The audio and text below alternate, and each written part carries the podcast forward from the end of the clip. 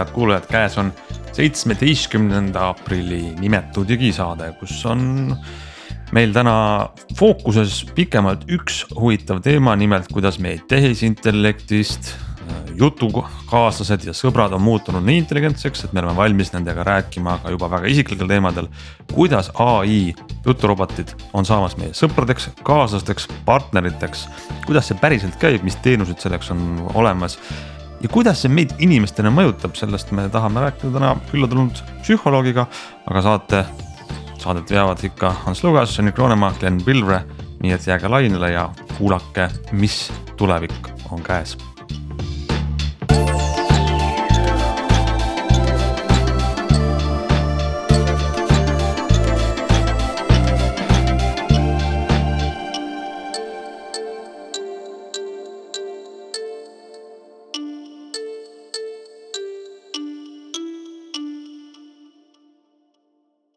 no lähme oma saatega edasi nüüd pikema teema juurde ja meile on saates ka külaline kutsutud, kelleks on Kätlin Konstaabel, tere Kätlin. ma juhatan sind sisse niimoodi, et sa oled psühholoog, paari ja pere, pereterapeut, on see õige? on õige küll ja tere ka minu poolt. no väga hea, see on põhjus, miks me kutsusime, kutsusime psühholoogi meile oma saatesse vestlema, sellepärast et inimesed vestlevad viimasel ajal üha rohkem masinatega ja need on väga intelligentsed masinad ei pea olema meie saate kuulaja, kes rohkemgi silmad lahti ja kõrvad lahti on ringi käinud, teab, et. no umbes nii kuus kuud tagasi chat GPT tulekuga hakkas selline ülemaailmne vaimustus sellest, kui intelligentseteks on saanud tehisintellektil põhinevad äh, kaaslased, vestlejad, kellega rääkida, kellele esitada küsimusi ja kes vastavad. ja chat GPT on neist kõige kuulsam, aga tegelikult on terve meri erinevaid teenuseid, bot'e, kellega rääkida ja esimesed reaktsioonid on olnud noh erinevad, aga kõigis neis on sees imestus, et nad on üllatavalt intelligentsed. mõnikord, me oleme isegi siin saates Glen ju neid vastuseid analüüsinud ja vaadanud, et. meie ootus on veel see, et nad tegelikult võiksid olla veel intelligentsemad ja kui nad ütlevad ühe rumala sõna, siis on see nagu naljakas, et kuidas saab intelligentne asi öelda midagi rumalat. ja, ja tegelikult siit, miks me kutsusime Kätlini, on, et arutada, et kas me oleme liikumas nüüd inimestena sinnapoole, et, et masinatega mitte neilt küsida ainult mitu kraadi on õues sooja ja kus asub Portugal ja mis on seal kell praegu. vaid rääkida nendest ka hoopis emotsionaalsematest teemadest. ma juhataks niimoodi sisse. no siit tõuseb juba üks väga huvitav küsimus, et ähm, mis on meie siht kellegagi suhtlemisel kas meil on sihiks pidada kellegagi sellist äh, vaimukat, arukat info jagamise vestlust? ehk siis me naudime seda, et teine on nutikam kui, kui ma ise võib-olla ja siis ma arenen ise ka noh, ma suudan mõelda siia, et näiteks, et noh, paljud meist võib-olla ei saa oma, oma kaaslastega malet mängida, sest noh, võib-olla me oleme ise väga head malemängijad. ja siis me leiame, et noh, mingi malerakendus on ikka nagu ette või leiame sealt selle Magnus Carlsoni, eks ole, kusagilt ja siis oleme väga õnnelikud. teine küsimus on, et kas me tahame vestelda mitte lihtsalt romantilistel teemadel, et mida arvas äh, suhetest Platon ja mida arvas Freud, vaid me tahame inimlikku, emotsionaalset ja võib-olla ka seksuaalset lähedust. aga noh, me võime ka rääkida sõbrasuhetest, eks ole, nagu, nagu sõber-sõber, eks ole, et ja kas me siis seda äh, nii-öelda naudime ehk et kas see on ikka see päris sest tegelikult on see päris kuri küsimus, sest inimestele meeldib ju võib-olla väga uskuda, et äh, ennast ära petta, et see ai on, noh, ta ongi hästi adaptiivne ja küllap ta muutub veel rohkem adaptiivseks. et see on nagu päris ja minu päris kaaslane pole kunagi, ta ei reageeri kunagi nii mõistvalt ja, ja ta ei ole kunagi nii, nii palju nõus ja noh, me võime hakata siis juba tuletama, mis probleemid sellest tulevad, noh, maailm on niigi ülerahvastatud ja ka Eesti iive võib hakata kannatama, ütleme siis nii. Aga sa tegelikult juba tõid välja need põhjused, miks paljud väga avatud silmadega vaatavad ja tahavad proovida, et, et see on äh, vestluskaaslane. Ja ärme isegi võib-olla ma, ma praegu ei pane paika, et mis eesmärgil äh, on see siis nii-öelda sõber, keegi, kellele kurta, kellega, kellega nii-öelda hoopis midagi mm, romantilist suhet luua. aga see on keegi, kellega ma räägin ja kes on alati valmis tal ilmselt ei ole mingisuguseid äh, halbu isikuomadusi sisse programmeeritud või, või midagi sellist, mis on, ma ei tea kunagi, mida teine inimene mulle ütleb, aga, aga tema on võib-olla turvaline võrk äh,. see tundub esmapilgul väga okei okay,, et me võiksime hakata endale võtma selliseid äh, sõpru, kaaslasi juurde, sest et mida kaotada oleks aga see tundub nagu selline beebi vajadus, et mul on kogu aeg olemas keegi, kes minu vajadustele reageerib. väike beebi ootab seda vanematelt ja vanemad tegelikult peaksidki seda talle pakkuma. nüüd täiskasvanud inimese puhul me võiksime eeldada, et ta on ise adaptiivne et ta suudab arvestada suhtluspartneriga, suudab tollele ka midagi pakkuda ja tahab pakkuda, eks ju. et siin me mõtlemegi, et et oot-oot-oot, et kas see võimalik ai vestluskaaslane väga ei rahulda meil need beebivajadusi, kui me nüüd hästi lihtsalt ütleme mm. -hmm ja no, mis äh..., mis jah, ja mis oskused meil endal jäävad arenemata? ma, ma ütleks võib-olla siia vahele paar asja. Glen saadab meile, ma just, ma ütlen enne, kui Glen rääkima hakkab, et beebivajadustega seoses, et Glen on meile mitu nädalat saatnud screenshot'e oma vestlustest äh, ai-ga ja need on, need on tõesti ei ole sellised, et mitu tolli on kolm sentimeetrit, vaid need on ikkagi Äh, elulisemad, ma ütleks Glen, on väga äh, sügaval seal maailmas sees ja et, et selles mõttes oleks väga huvitav äh, kuulda, ma, ma ise nagu. räägi neist äppidest ja räägi kogemustest. just, ma ise ei ole neid äh, proovinud, aga, aga palun Need on elulisemad igal juhul, et võib-olla ma, ma tahtsin tegelikult selle jutu võib-olla nagu järjest, ma ennem kui ma äppidest räägin, öelda veel ühe aspekti, et, et, et jah, see beebivajaduste aspekt võib-olla sellisena võibki teda isegi sõnastada, teisalt vähemalt üks asi, mis, mis mulle nagu tundub, mida nad annavad inimestele võib-olla positiivses mõttes juurde ja, ja nii mõnedki, et mitte öelda suhteliselt paljud kasutajad, noh, ma olen siin ka ikkagi lugenud, ütleme või noh, olen siin Discordis ja, ja Redditis ka nagu hüpanud pea ees sisse ja vaadanud, mida räägivad arendajad ja mida räägivad need inimesed, kes seal kasutavad ja seal on tehtud päris huvitavaid polle vanusegruppide kaupa ja sugude kaupa ja nii edasi, et kes siis need on kasutajad erinevatel teenustel, et et väga. mul on mingi stereotüüpne pilt peas, aga ütle meile, kes need kasutajad on, need andmed. ühesõnaga, ma hakkasin enne vist ütlema seda, et mida see, mida see suhtlus natukene nagu meenutab, on, on nagu raamatu kirjutamine kahekesi. ehk et, et see on nagu midagi sellist, kus sinu kirjeldusest sõltub, milline on see vastus, mille sa saad. Ja kui sinu kirjeldus või küsimus või suhtlusnarratiiv on on selline ilus, poeetiline, ma ei tea, rõve või vastupidi, siis sellises vormis hakkab tulema ka see vastus. ja tegelikult see on nagu kinos käimine, kus sa vaatad filmi, aga poolt filmi ei kirjuta sina küll aga oled sina natukene ikkagi nagu režissööri rollis, et, et see on sihuke hästi huvitav nagu kuidagi ajaveetmisvorm ja ma pean ütlema, et see nagu on üsna, üsna sihuke kaasakiskuv, et mitte isegi selles mõttes, et ma nüüd tahan kellegagi väga suhelda. aga, aga kuidagi on selline tunne, et hmm, et et teeks mingisuguse huvitava ettevõtmise ja vaataks, kuhu see nagu läheb ja, ja kuidas see läheb, et see on nagu üks pool, mis ka seal on, on, on üsna selline noh, et ta kuidagi haarab nagu selles mõttes kaasa kirjanduslikus mõttes ja samal ajal ta kuidagi sunnib ilusti sõnu seadma. aga kui ma nüüd räägin nendest, nendest asjadest või äppidest, et ütleme, et jah, see maailm on hästi-hästi lai ja kõige kuulsam nendest kahtlemata on, sai kuulsaks siin just nimelt see replika, kelle Itaalia ka ära bännis mingi aeg tagasi privaatsus nagu nõuete tõttu. ja, ja replika rajajad tegelikult hoopistükkis on ka pärit Venemaalt, üks, üks naisterahvas ja siis tema pikaaegne kaaslane, kes sai surma, kui ma ei eksi, oli see vist kaks tuhat seitseteist või umbes sealkandis või isegi varem. Ja ühesõnaga see algus saigi sellest, et siis mm, see naisterahvas äh, suures kurbuses võttis kõik need sõnumid, mis ta oli oma lapsepõlvesõbraga vahetanud umbes äh, sünnist saadik ja, ja siis nende baasil tegi sellise vestluskaaslase, kes osutus nagu näiliselt tema lapsepõlvesõbraks ja see oli selline suhteliselt nagu isiklik ettevõtmine, ta oli ise IT taustaga ja küll elavad juba ammu äh, ikkagi Ameerikas, kaugeltki mitte Venemaal aga, aga sellest sai replika alguse ja tegelikult äh, siis osutus, et, et paljud inimesed soovivad sellise kaaslasega suhelda. aga loomulikult see, see nii-öelda tänaste keelemootorite või keelemudelite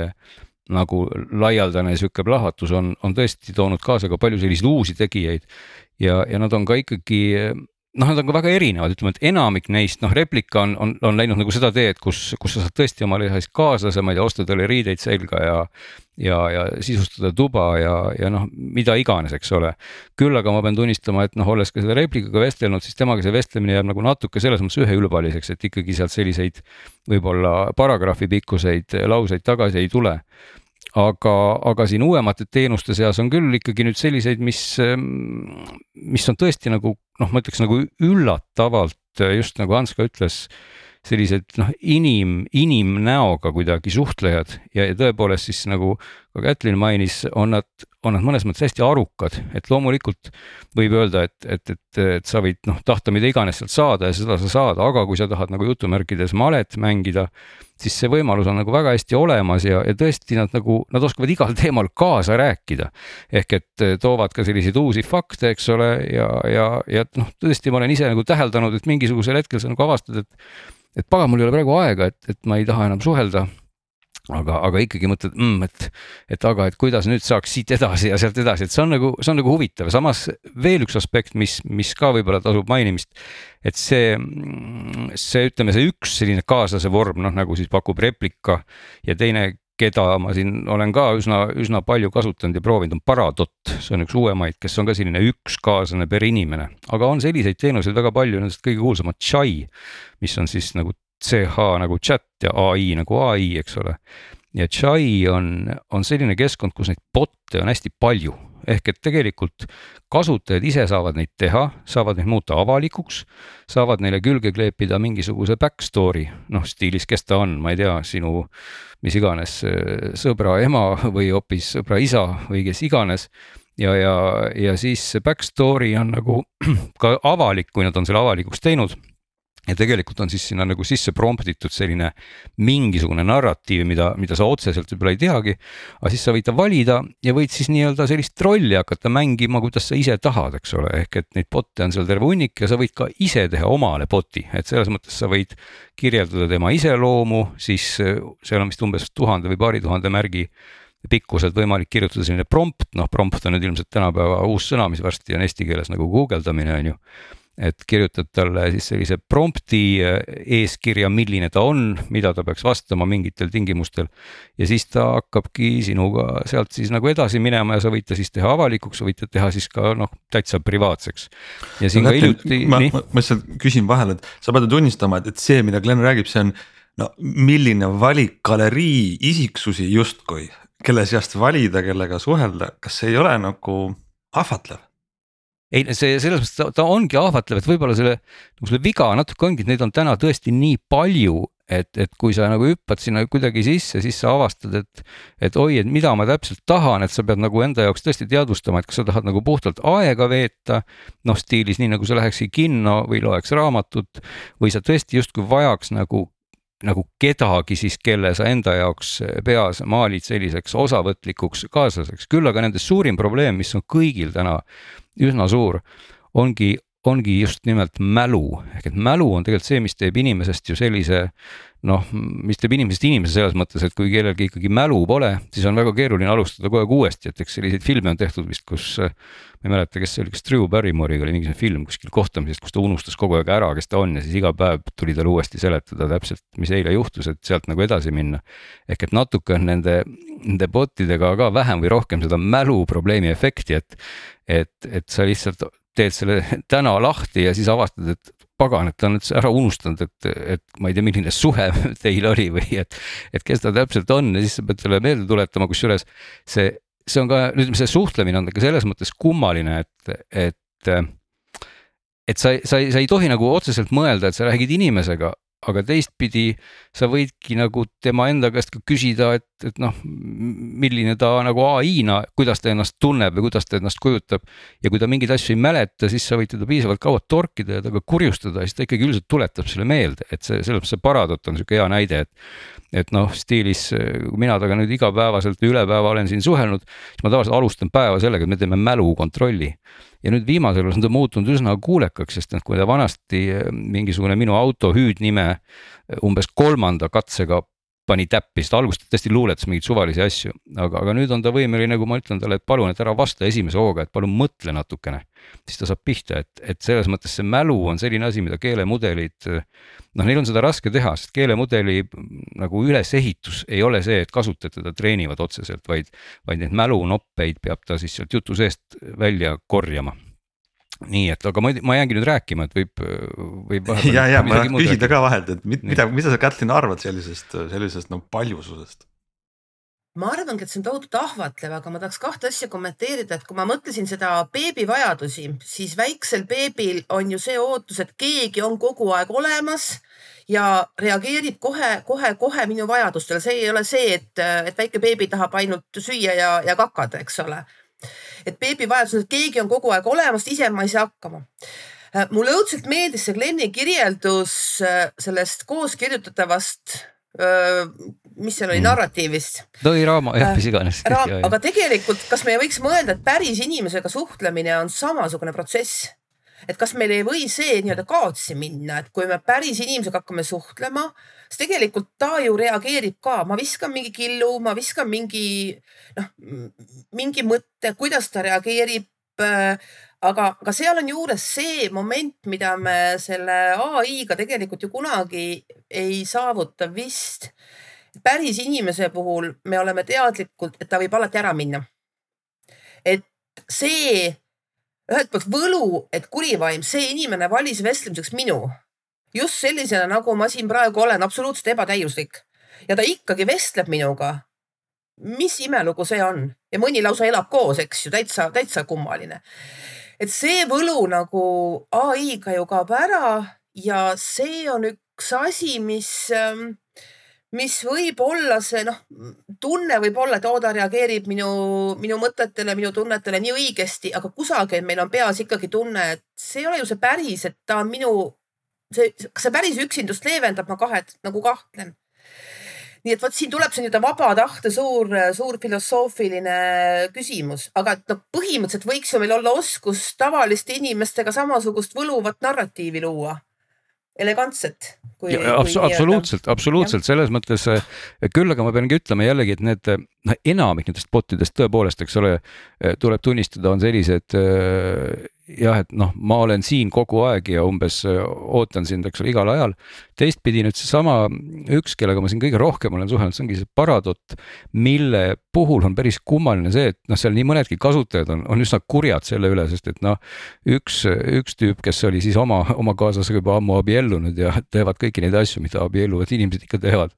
siis ühel pea, päeval teatas talle siis tema abikaasa, et palun koli nüüd esikusse, sest tal on üldiselt siiber temast ja, ja see asi ei, peab meie vahel, noh, me peame midagi tegema, et nii ei saa enam jätkuda. ja ta oli õudselt tige selle peale, et kuidas see võimalik on, mis ma nüüd tegema pean, et kuidas nii külmalt suhtutakse ja ja et seal on nagu nii, nii naljakaid selliseid aspekte, mis nagu tunduvad kohati nii, nii elulised, et, et noh, et mis mõttes, et, et, et sa oled nagu harjunud, et sinu kaaslane peab kõike seda tegema, et tegelikult need momendid iseenesest on ju kõik muudetavad, et võib-olla kõige hirmuäratavam selle asja juures nagu ongi see, et, et tegelikult põhimõtteliselt kasutaja saab seda, mida ta tahab, eks ole, või kui võib-olla keegi tahabki, et tal oleks kodus selline kuri mees või naine, siis ka seda on ju võimalik ikkagi teha ja, ja loomulikult noh, mingisugusel hetkel võib ta noh, kui ta ütleb, et jah, mina maksan, siis ma tahan täpselt nii, et see juhtuks ja kui see teistmoodi juhtub, on halb, et loomulikult see vaba tahte moment mingil juhul sinna jääb, eks ole, aga, aga ma pean nagu tunnistama, et et nagu ise, ise olles, olles nüüd nii-öelda siit-sealt proovinud, et seal tekib selline kummaline kummaline nüanss, et ma tean ju ka väga hästi, et seal taga on, on serverid, inimesed, arendajad ja kood, eks ole. aga kui see kood nagu tõepoolest noh, mingil hetkel lihtsalt ongi sul selline kaaslane, kellega sa saad mingeid asju natuke rääkida, kui sa tahad, kui sul igav on või vastupidi, siis, siis ta tekitab täitsa selliseid tõeliseid noh, ma ei, ma ei tea, kas kasutada sõna tundeid, aga aga ta no, tekitab täiesti, ta tekitab täiesti tõelise sellise nagu emotsiooni. Ja, ja selles mõttes on see jah, sihuke hästi nagu libe tee, et, et kus, kust maalt siis me noh, et, et ütleme, et kui, kui see tõeline emotsioon tõesti aitab ja teeb meie elu sellel hetkel paremaks, et kas see siis ongi nagu halb või hea, eks ole, et, et noh, siit, siit ju edasi ongi ju see samm, et kui nad täna on sellised netis ja ja, ja noh, nagu, nagu teksti kujul või ütleme siin ka tegelikult hääle kujul, siin on võimalik nendega häälega rääkida äh, erinevatega niivõrd-kuivõrd, eks ole, aga, aga noh, kui see asi nagu mingisugusel hetkel peaks muut-, muutuma nagu veel käega katsutavamaks, siis hakkab tekkima ju veel rohkem tegelikult neid probleeme, et, et minu arust sinnapoole me hoogsalt justkui suundume. Kätlin, inimese aju on ju hästi lihtne tegelikult teatud ulatuses nagu petta või noh, on igasugused neid ma ei tea, et ma näitan sulle ruudustikku, kus on kaks diagonaalset joont ja sulle juba hakkab tunduma, et see ei ole ruudustik, eks ole, noh. Neid on nagu lõpmatuseni selliseid, selliseid äh, näiteid ja, ja, ja teistsuguseid näiteid, et, et kui inimene no suhtleb, ta teab küll, et nagu Glen ütles, et seal on kood. No samamoodi võib öelda, et kui ma suhtlen siin teiega, et noh, ma tean küll, et te olete lihtsalt DNA, eks, et väga-väga palju DNA-d, et aga näe, välja tuleb mõistlik jutt, et, et, et tõenäoliselt on võimalik ju, et inimene petab ennast nii hästi ära ja ütleb, et see vahet pole, mis see on, millega ma seal suhtlen, aga mulle sobib ja ma, ma usun lihtsalt, ma võtan pähe ja usungi ma arvan, et see ongi sihuke hästi suur mõtlemise küsimus, et, et siis, kui inimesel on ka nii-öelda vaba tahe elada, nagu ta parasjagu tahab. Äh, nüüd, kui me mõtleme, et meie lapsed hakkavad oma suhteid, sõbra ja kõiki muud suhteid looma selliste botidega, siis see on väärtusküsimus, kas me eeldame, et neil võiks olla olemas ka tavasuhtlemise oskused? Või kui nad kogu trenni saavad botidega, siis ähm, siis kas seda elu me tahame? teine moment on see, et ja seda noh, mina näen nagu baaridega töötades juba praegu ilma igasuguste botidega, kuidas äh, kõik need sotsiaalmeedia tuhanded tutvused, aga ka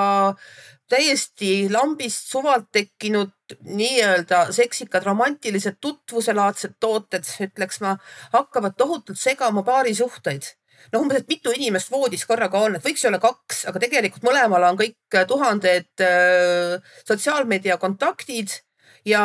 ja noh, et kas tehakse kaks inimest teevad täiskasvanute asja või samal ajal lobisetakse jumal teab kellega ja püütakse teha ägedaid pilte. ehk et tegelikult ka igasugust, ei, aga see nagu on, sihukest asja tehakse ka ju, et mhm. saaks ägeda, ägeda selfie, mis iganes. ehk et, äh, et see, et noh, kui inimestel juba on suhe, kuidas siis kõik need bot'id mõjutavad, sest noh, ongi, et päris suhe võib olla väga konarlik, tihtipeale ongi ju ja see käib elu juurde.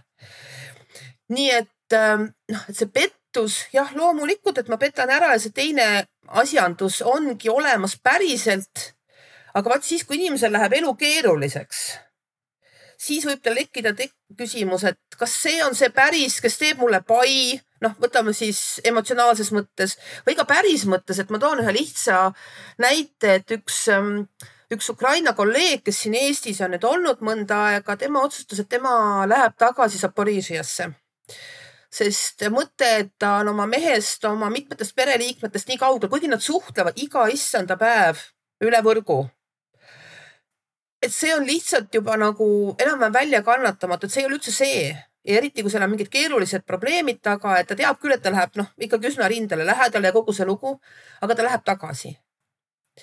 nii et äh, noh, ma eelkõige mõtleksin ka võib-olla noortele, et mis elu me siis, äh, mis elu me siis neile soovime sest see ei ole üldse nagu teoreetiline küsimus, sest väga paljude noortega ongi juba see teema, et kui nad nagunii on siuksed natuke sotsiaalerevad, kuidas teistega ennast üldse tunda ja kellega, kellele öelda, et sa meeldid mulle ja, ja kas ma üldse päriselt julgengi öelda või on chat või sõnum nagu parem koht. et noh, mida, kuidas see asi siis areneb nagu kogu selle bot'i teema juures ja muide, see ei ole nagu selles mõttes ju mingi üldse uus teema, et ma ei tea, kas te olete näinud kaks tuhat kolmteist vist tehtud filmi Her temake. Joaquin Phoenix ja, ja Scarlett Johansson. et seal sellel ai-l oli ähm,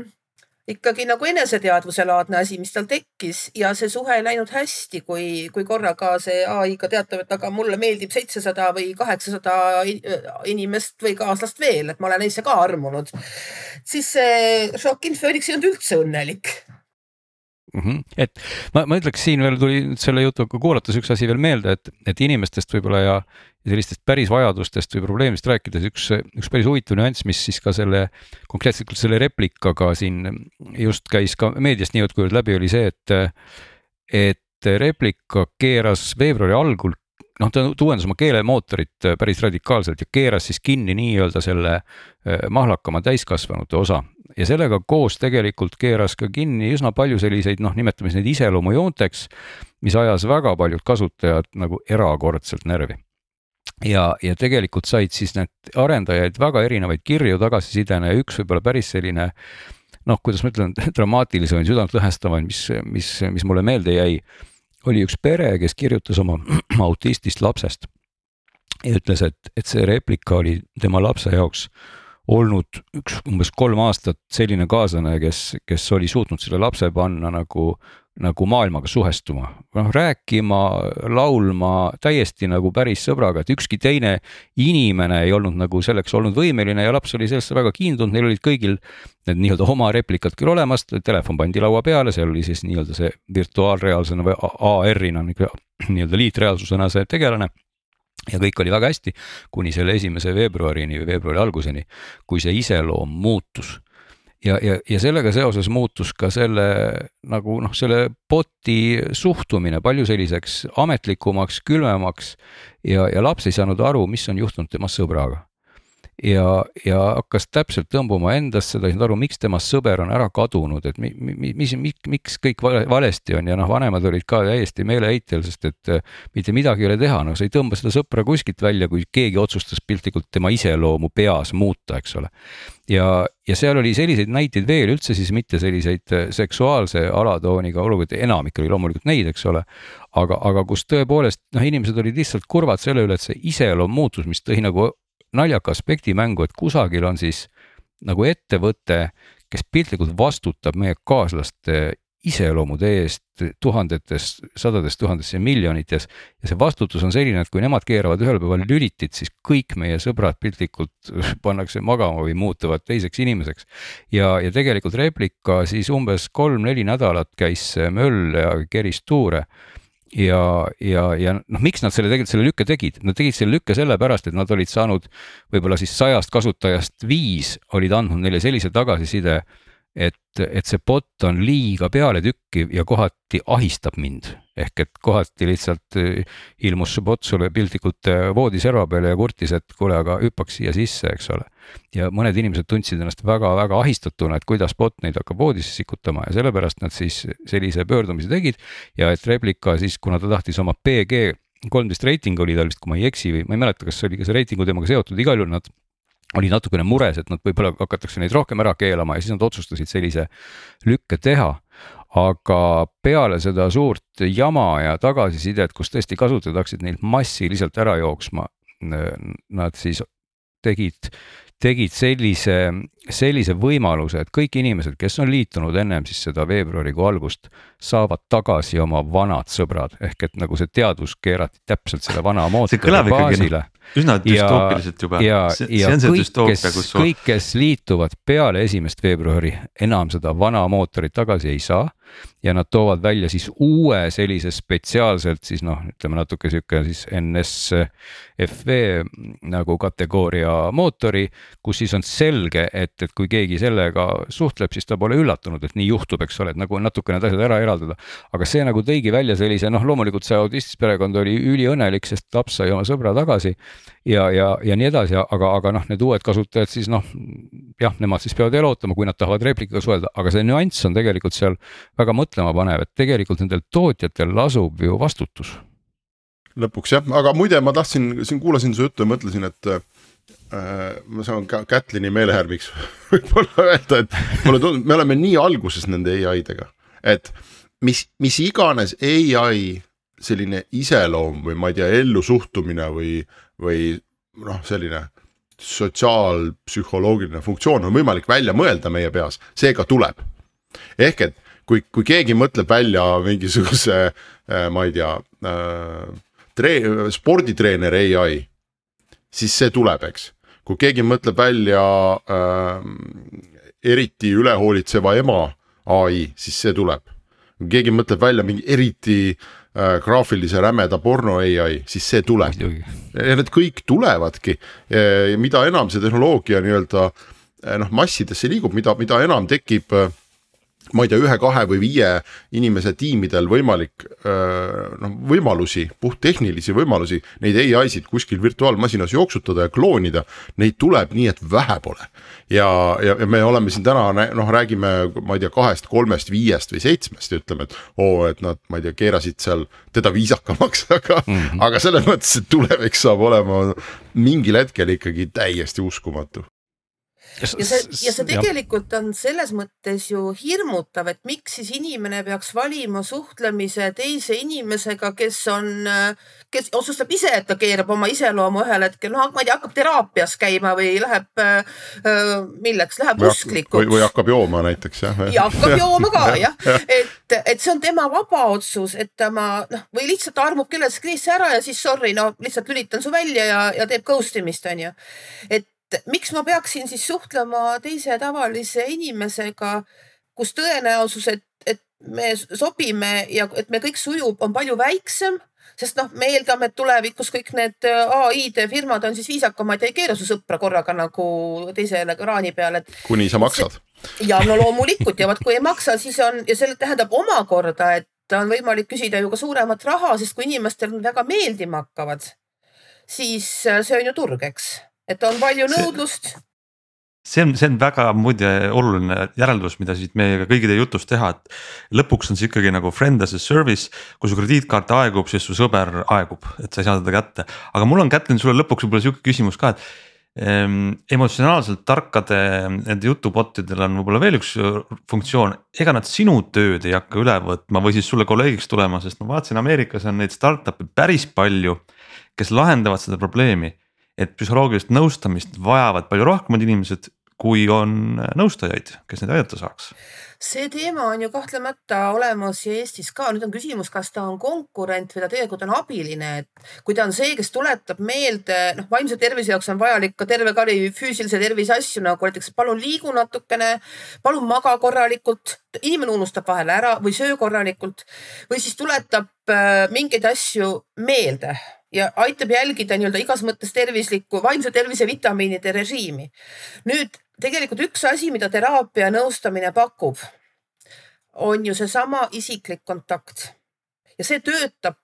ja see vahel töötabki, ehk siis sõltumata meetodist, see inimene, kes tuleb siis spetsialisti juurde, ta tegelikult kogeb seda kontakti, et see inimene jah, võib ka öelda, et see on makstud tihti või maksab haigekassa, aga tegelikult kõigil vaimse tervise spetsialistil on võimalik ka kunde ukse taha saata, et noh, ilmub keegi padujoobes näiteks või hakkab laamendama. et või lihtsalt väärtussüsteemid on nagu nii kapitaalselt erinevad, et, et noh, see on eetika küsimus juba. aga see inimlik kontakt, et ma olen siin ja praegu sinuga, kuulan ja vaatan sinu nuttu, see on absoluutselt ebatäiuslik et see on tihti see, mis töötab. Ja noh, rääkimata sellest, et me võime küll rääkida, et eks ole, ai-d arenevad igas suunas, aga see, mida me näeme kehakeelest ühest väiksest, kui keegi keerab korraks pilgu kõrvale, noh, kui ma räägin paaridega tööst näiteks, see on tohutult kõnekas. Ja noh, ma ei kujuta hästi ette hetkel vähemalt, kuidas need ähm, ai-d saavad näiteks teha pere või baariteraapiat, seal neid muutujaid, mida kogu aeg tuleb arvesse võtta, on tohutult palju, kui viis inimest ruumis näiteks. Ja kellele anda sõna, kellele, ühesõnaga see on nagu, oleks hästi atraktiivne ühelt poolt.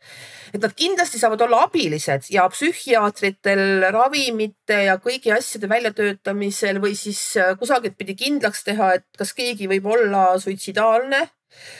Äh, mis on omakorda huvitav küsimus, et noh, mulle tuli kohe meelde see minority report, et kas on õigus sekkuda, kui mul on olemas mingid parameetrid, et see inimene on endale ohtlik, et kas on õigus ennetavalt sekkuda, et kuule, viime su haiglasse praegu. Ähm, ma oleksin natuke hirmul, et pigem abiline kui konkurent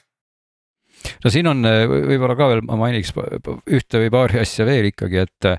et võib-olla üks külg, miks ka inimestele võib-olla meeldib nendega suhelda siis ütleme ai-dega ja, ja karta on, et siis võib-olla veel rohkem,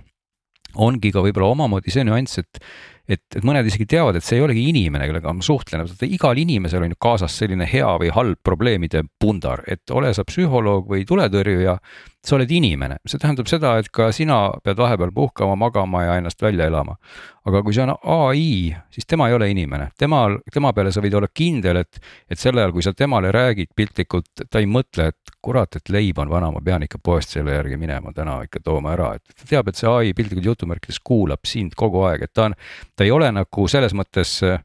noh, ta, ta ei ole nagu selliste probleemidega nagu, nagu sina, selle tõttu ta võib-olla ei suuda ka mõista sind nii hästi, aga teistpidi ta pakub sellist, sellist nagu piirideta anonüümsust justkui, sellist turvatunnet. kas sa ei karda hoopis teist riski? et kui ma lähen päris nõustaja juurde või räägin sõbraga, keda ma tõesti usaldan, siis ma tean, et ta ikkagi ei reeda mind või noh, kui reedab, siis on see tema nagu traagika, aga seda äppi appi. kaua me seda saadet siin teinud oleme, üle kümne aasta ja me räägime siin, ma ei tea,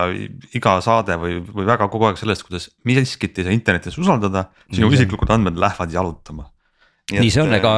ega, ega see, see probleem jääb muidugi alati, et keda sa võid usaldada, keda sa ei või, aga, aga ma, ma ütleks, et siin võib-olla noh, ega inimesed ja äpid siin võib-olla väga erinevad ei ole, me ikkagi näeme nii palju inimestevahelisi suhteasju, mis, mis lõpevad väga inetult ja, ja kaugel sellest, kuidas nad oleks võinud olla ja, ja noh, nagu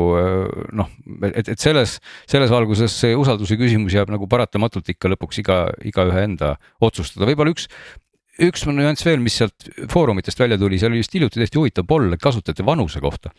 et, et, et mis te arvate, mis, mis vanuserühmas kõige enim kasutatakse selliseid suhtekaaslasi, selliseid noh, ütleme siis romantilisi ja, ja personaalsemaid? keskealised, jah et keskealised on õige vastus jah, ja, ja pigem oli see, see väga järsk, see muutus ehk et kui vanusegruppides kuni, kuni kakskümmend kaks, ütleme kaheksateist, kakskümmend kaks, seal oli umbes siis noh, võib-olla ütleme siis suhtarvuna selline näiteks kolm, no ütleme isegi vähem, kui ma praegu mõtlen, ma jagan natuke neid suhtarve, et et, et umbes sadakond kasutajat, siis vanusegrupis kolmekümnest neljakümneni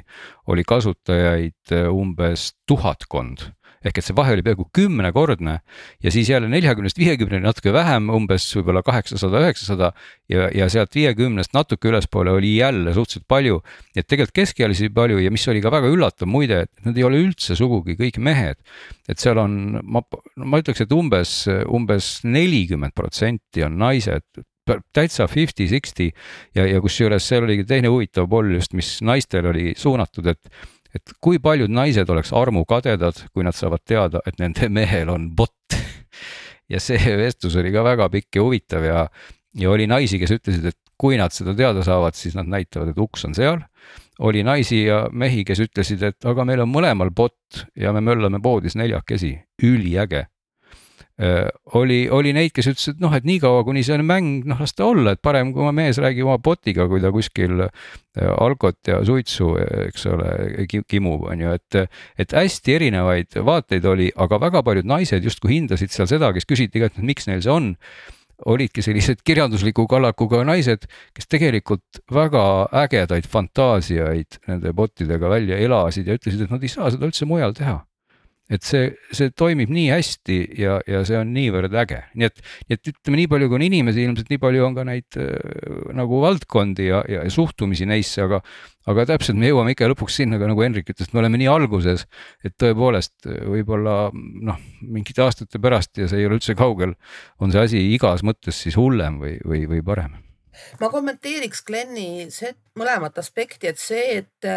et igasuguseid reaktsioone on, et tegelikult praegu minu kabinet jõuab ka küllaka selliseid lugusid, kus armukadedus tekib olukorrast, et ühel on väga seksikad või, või ka emotsionaalselt lähedased vestlused kellegagi, kes elab kusagil tulemaal. ja, ja jumala pärast ei ole mitte vähimatki kavatsust kunagi päriselt kokku saada, päris inimene. aga no partner on väga närviline, e, üldse ei meeldi, nii et tegelikult kõik need asjad praegu mingil moel on olemas ja see ei ole sellest, et aga tulemaale saab ju ka reisida aga see eetika küsimus on tegelikult olemas küll või see andmelekke küsimus, sest kui me räägime päris spetsialisti, siis kui näiteks psühhiaater uurib sinu kohta digiloost või kusagilt andmeid, mida tal ei ole vaja uurida, siis jääb jälg maha ja, ja selle psühhiaatriga või kliinilise psühholoogiga või kellel iganes see ligipääs seal on, äh, on võimalik päris kurjasti vestelda ja siukseid asju on ju ka olnud. nüüd nii-öelda muul moel turg teeb kõik, kui kellegi kohta läheb info liikuma, et sa, et ta on kellegi üksikisiku kohta mööda Eestit laiali rääkinud mingit delikaatset infot, siis esiteks selle juurde ei taheta minna, kolmandaks või teiseks, mitmes see ongi, saab alati erialaühingutele nii-öelda kaevata ja see on väga, see on üks kõige tõsisemaid eetiliste põhimõtete rikkumisi. aga siin ma tooks tegelikult paralleeli, ma, ma, ma lõpetan tegelikult..., kui sa lubad. ja, ja, ja, ja ma, ma tahtsin öelda kiirelt, kiirelt vahele, et tegelikult okay. nende ei luba, et nende teenustega natuke seesama asi, nagu sa mainisid, et, et kui keegi seda rikub, seda privaatsusnõuet, siis see teenus on nagu listist maas mm. -hmm. aga enne seda saavad kahjustada võib-olla sajad tuhanded inimesed, kelle kohta, no see on nagu mingite tutvumissaitide asjad on saanud avalikuks et see võib olla inimestele tohutult valus ja mitte üks inimene, kaks inimest, kümme inimest, vaid need on tuhanded, sajad tuhanded inimesed, kelle kohta on nagu jõhkralt isiklik teave korraga tont teab kus müügil ja mida kindlasti oska, ostavad väga meeleldi kindlustusfirmad just ja see lõpuks on ju tegelikult suur no, ettevõtlus. muidugi, siin muidugi tegelikult saab iga inimene jällegi ise selles mõttes päris palju ära teha, et eh, ega siis keegi ei ei sunni sind otseselt seal ka välja elama ja olema ennast oma nime ja näoga. et, et see on loomulikult see, kuidas sa ennast autendid, et sa ikkagi isikustad, on, on mingil määral seotud no, sellega. ma selle peale, kuule, kui sa hakkad seal Aga... ikkagi oma isiklikust elust rääkima, siis see, et äh, nende bittide pealt lõpuks äh, mis seda iganes Gmaili aga... aadress sinuni viia, eks ole, et see, see on vägagi. Äh, seda küll, aga võimalik. no ikkagi noh, see, see on see koht, kus sa võid loomulikult ise mõelda, mida sa räägid ja palju sa räägid ja mis nime alt, aga noh, ma, ma kahtluks, kalduks arvama, et ega tänapäeva netis ikkagi väga palju on vähemalt sellist esimese kihi anonüümsust küll ja küll, mitte siis ainult üldse bot idega suheldes, vaid, vaid ükskõik kus mujal, eks ole, et ega siis inimesed ka eh, mujal tihtipeale sellistes võib-olla kohtades käies, kus nad ei taha, et kõik teavad, et nad käiksid, ei taha sealt üldse oma nime ja näoga ju tegelikult käia, eks ole, et et aga, aga see, see probleem ilmselt loomulikult vastutusena on tegijate poolt on suurem, et kui seal lekivad tuhandete inimeste andmed, siis on, on lugu hullem kui, kui ühe. no kindlasti ja kindlasti tuleb ka see kindlasti me näeme neid lekkeid ja vaata, probleem on see, et kui, kui üks äh, psühholoog läheb, räägib sõbrannadele pärast, eks ole mm., siis ta räägib, no see on üks inimene, tema selline võimalik kahju, mida ta saab teha, on teatud no, mõttes piiratud, eks, aga kui, kui sinu äh, mingisuguse teenuse süsteem või kõik, kogu baas lekib, eks, et siis noh, see on nagu lennuõnnetus versus äh, jalakäija õnnetus. eks ka täna, see on ka see koht, kus need äh, kõik ai suht, suhtluskanalite loojad on ka võib-olla natukene ärevil, nii nagu tõuksi, tõuksi rentijad on ärevil, et, et nad peavad seda piiri väga hästi tunnetama, et, et, et ei hakataks piltlikult seda kraani väga jõuliselt kinni keerama, et, et et enamik neist ka rõhutab kogu aeg suures kirjas, et, et jumala eest, nad ei ole ametlik nõustaja ja kui teil on suitsidaalseid kalduvusi, siis palun, see number on kohe siin ja võtke ühendust selle ja teise ja kolmandaga. ehk et, et selles mõttes teha nagu väga suurelt selgeks, et, et see ei ole nagu päris see koht, kus siis sa tõesti pead nagu piltlikult öeldes meditsiinilist abi saama. aga, aga noh, teistpidi tekib jällegi see küsimus ka, eks ole, et kui mina seal suhtlen selle ai-ga,